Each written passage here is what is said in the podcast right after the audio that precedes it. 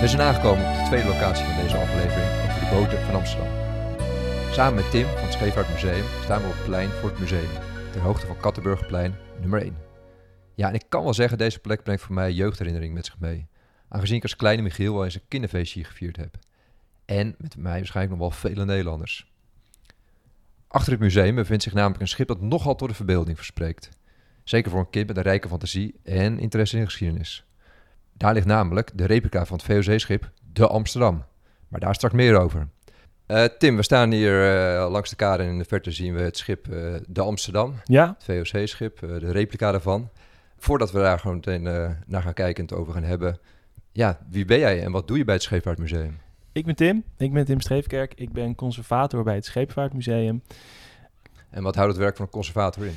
Als conservator ben ik met name met de collectie bezig. Dus ik heb een, uh, een stuk van de collectie uh, toebedeeld gekregen. Dat is de collectie kunstnijverheid en gebruiksvoorwerpen. En dat is eigenlijk uh, zo divers als het klinkt. Het gaat van penningen tot uniformen, tot Chinees exportporselein, tot scheepsier. En daar doe ik voorstellen voor voor nieuwe verwervingen. Ik kijk ook kritisch naar wat we nu hebben. Past alles nog binnen de, binnen de verzameling? Zijn er, zijn er rare dingen die verzameld zijn waarvan ik nu denk van misschien hè, is het op een, in een ander museum beter op zijn plek? En daarnaast maak ik tentoonstellingen, uh, doe, ik, doe ik voorstellen voor nieuwe tentoonstellingen en ben ik bezig om zeg maar, de kennis die we als museum hebben uit te dragen. We hebben een tentoonstelling, een, een, vaste tentoonstelling die heet Republiek aan Zee, waarin eigenlijk uit, uiteengezet wordt hoe Nederland als maritieme natie ontstaan is. En daarnaast hebben we ook meer tijdelijke tentoonstellingen. We hadden een tentoonstelling over de, over de Noordpool.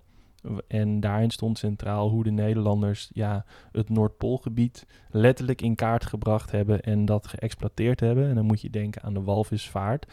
Um, maar bijvoorbeeld ook toeristische reizen die daar naartoe gingen. Uh, en wetenschappelijke expedities. Dus dat is een beetje dus het, het, scala aan tentoonstellingen. Zelf werk ik nu aan een tentoonstelling over de haven, over de Amsterdamse haven. En die moet eind van dit jaar moet die openen. En als we kijken naar het statige pand waar nu het Scheepvaartmuseum in zit, hè, ja. dan kan je wel zien dat er in de tijd een hoop uh, rijkdom en wilde is geweest. Zeker. Kan je iets een beeld schetsen hoe dit uh, terrein ontstaan is ten tijde van uh, ja, de 16e eeuw? Ja, dus wat je denk ik voor moet stellen is dat aan het einde van de 16e eeuw de stad eigenlijk al best wel hard groeit. Hè. We zitten midden in de 80-jarige oorlog.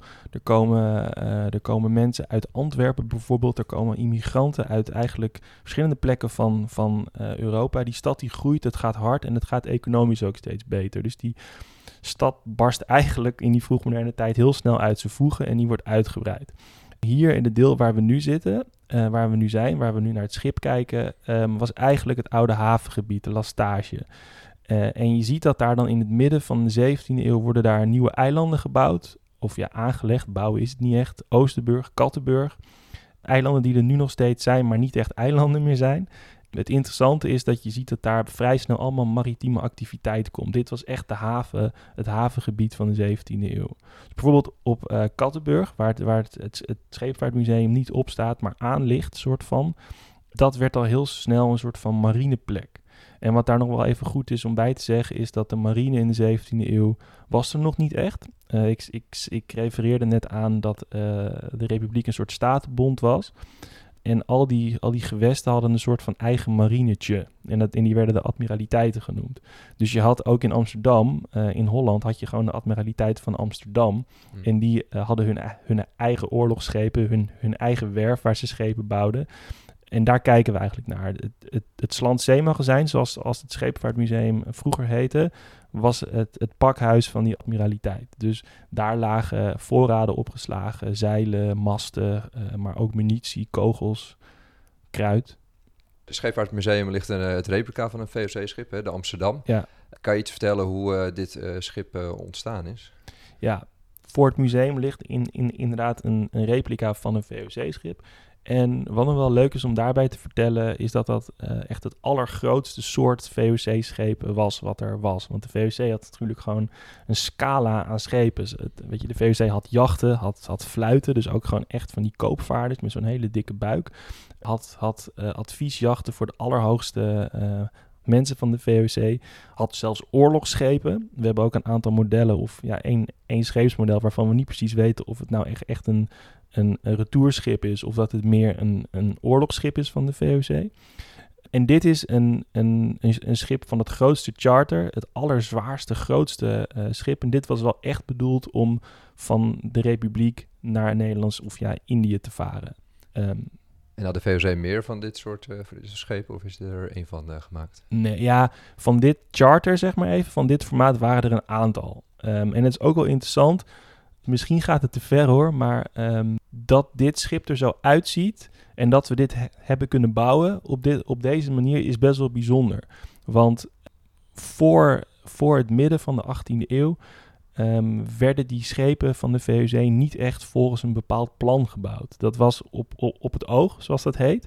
Dus er werd, werd begonnen met de kiel, er werd, werd begonnen met de romp en dan zo'n beetje vormde dat schip zich wel een beetje daaromheen. niet echt een uh, gestructureerd voor nee. afgedacht plan in van Ze wisten zo gaat eruit zien qua grote indeling en ruimtes. Ja, kijk, weet je, qua praktische indeling was het natuurlijk wel een manier waarop ze het altijd deden.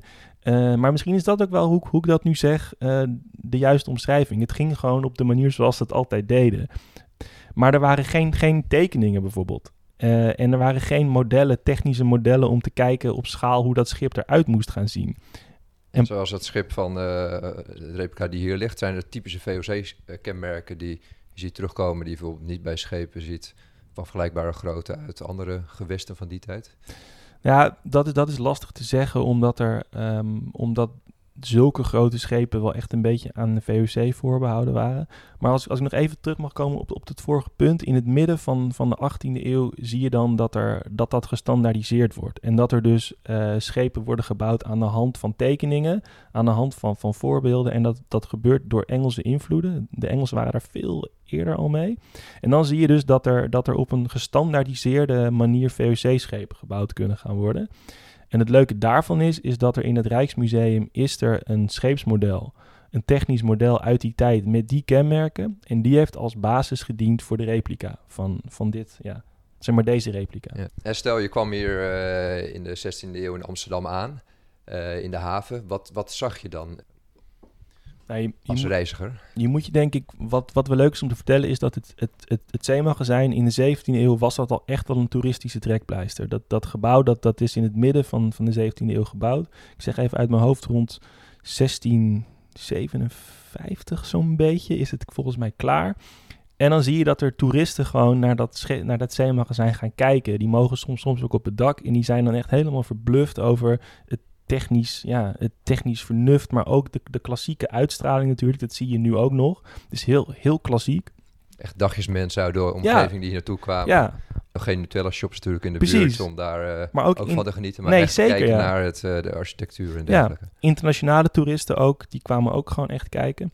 En je moet je denk ik wel echt voorstellen, als je nu het Oosterdok inkijkt, dan zie je de museumhaven inderdaad. Dan zie je nog wat scheepvaart, maar dat was toen totaal anders. Het was echt een woud van schepen. Um, van scheepsmasten, van kleine schepen, grote schepen. Wat je ook je moet voorstellen is misschien evident, maar het centraal station was er niet. Dus je keek gewoon, hup, het ei op um, en, en je zag gewoon ja, de overkant in de verte. En wat ook wel tof is om je te realiseren, is dat achter het, het zeemagazijn, achter het Scheepvaartmuseum, was de werf van de admiraliteit. We hebben het besproken, die bouwden hun, hun eigen schepen. Dus hier werden ook gewoon oorlogsschepen gebouwd. Um, dus ja, je kunt je voorstellen wat, wat een krankzinnige drukte het was. Ja, enorm veel verschillende ambachten, werkzaamheden ja. die daar op uh, ja. de vierkante kilometer plaatsvonden. Ja, zou je een beeld kunnen schetsen van uh, het leven aan boord van zo'n schip? Ja, voor Amsterdam weten we wel redelijk goed hoe dat allemaal gegaan is. Dat, dat is best uitgebreid onderzocht. En ook door, door, omdat het schip vergaan is in 1749, weten we uh, gewoon de vertrekken, de spullen die aan boord waren. Um, en ja, laat ik het even flauw zeggen, het was niet mals. Het was natuurlijk niet echt prettig. Uh, om met zoveel mensen aan boord van zo'n schip te zitten. Want je moet je voorstellen dat er ongeveer 200 zeelieden aan boord van het schip waren ongeveer 70 soldaten van de VOC. Die, die hadden eigenlijk, waren die nodig om in Indië zeg maar, de forten te, te bewaken. Hielpen ook wel mee als, als het schip zelf in, in moeilijkheden kwam. Was het handig dat, dat er een aantal soldaten aan boord waren. Verder ehm, waren er dus nog een aantal passagiers ook, want dat gebeurde ook. Mensen die gewoon daar naartoe wilden en dan maar met een VOC-schip meegingen. Dus je kunt je voorstellen hoe vreselijk druk het aan boord is. Ehm, en ja, beneden deks is het natuurlijk druk. Mensen liggen in hangmat. Het stinkt. Ze, ze, liggen half tussen de kanonnen. Het is gewoon niet echt relaxed om daar aan boord te zijn. En je kunt je ook voorstellen dat, dat er best wel veel mensen uh, ja, over, overlijden aan, aan boord van dat schip tijdens zo'n reis. Het voedsel was niet goed, uh, weinig vitamine, veel, veel koolhydraten, veel brood, bonen, dat soort dingen. Niet echt veel gezonde dingen. Dat bekende verhaal van scheurbuik natuurlijk ook. Dat dat kwam om door uh, vitamine C tekort. Dus ja, het was niet echt prettig. En zo'n reis bijvoorbeeld naar Bataviastad, uh, hoe lang duurde dat? Nou, dat hangt natuurlijk in de eerste plaats van, van de wind en het weer af. Um, dat kon heel erg verschillen, maar gemiddeld moet je denken aan acht maanden waarin je dus in die situatie met heel veel mensen aan boord van zo'n schip zit. En tijdens die acht maanden werd er ergens een stop gemaakt? Of was ja, dat, vaak uh... werd er, er, er, werd eigenlijk altijd wel gestopt uh, in, in Zuid-Afrika, Kaap Goede Hoop, vandaar dat het ook zo heette. Daar, werd dan, daar had de VOC ook, ook, ook een soort van kleine factorij, een, een kleine nederzetting met, met een plantage waar ook nog wel weer nieuwe verse producten ingeslagen konden worden. En dan ging de reis verder naar, uh, naar Indonesië. Dus daar werden de provianten opnieuw aangelegd ja, en uh, ja. kon men verder gaan. Hey, terug even naar, de, naar de, deze replica toe.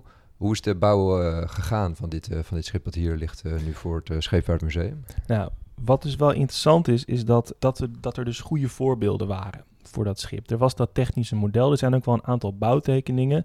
Uh, en dat is dus allemaal gekomen door, door die standaardisatie van die, van die scheepsbouw van de VOC in, in, de, in de 18e eeuw.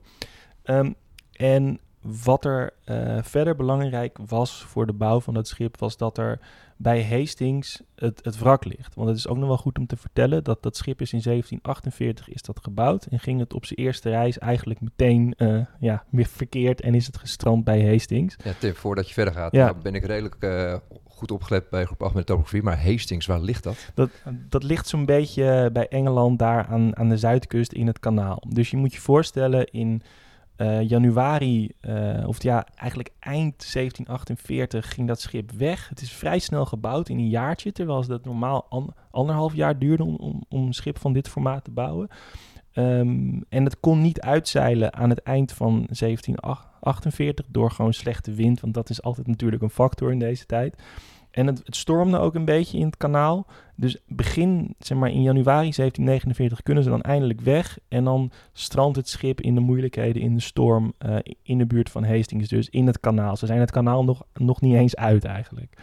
En, maar de, dat dat wrak daar lag is wel heel interessant, want daardoor heb, hebben we heel veel vondsten gedaan, zijn er vondsten gedaan Um, van spullen die aan boord van, van zo'n schip gebruikt worden. En je kunt je voorstellen, dat zijn echt, echt gebruiksvoorwerpen.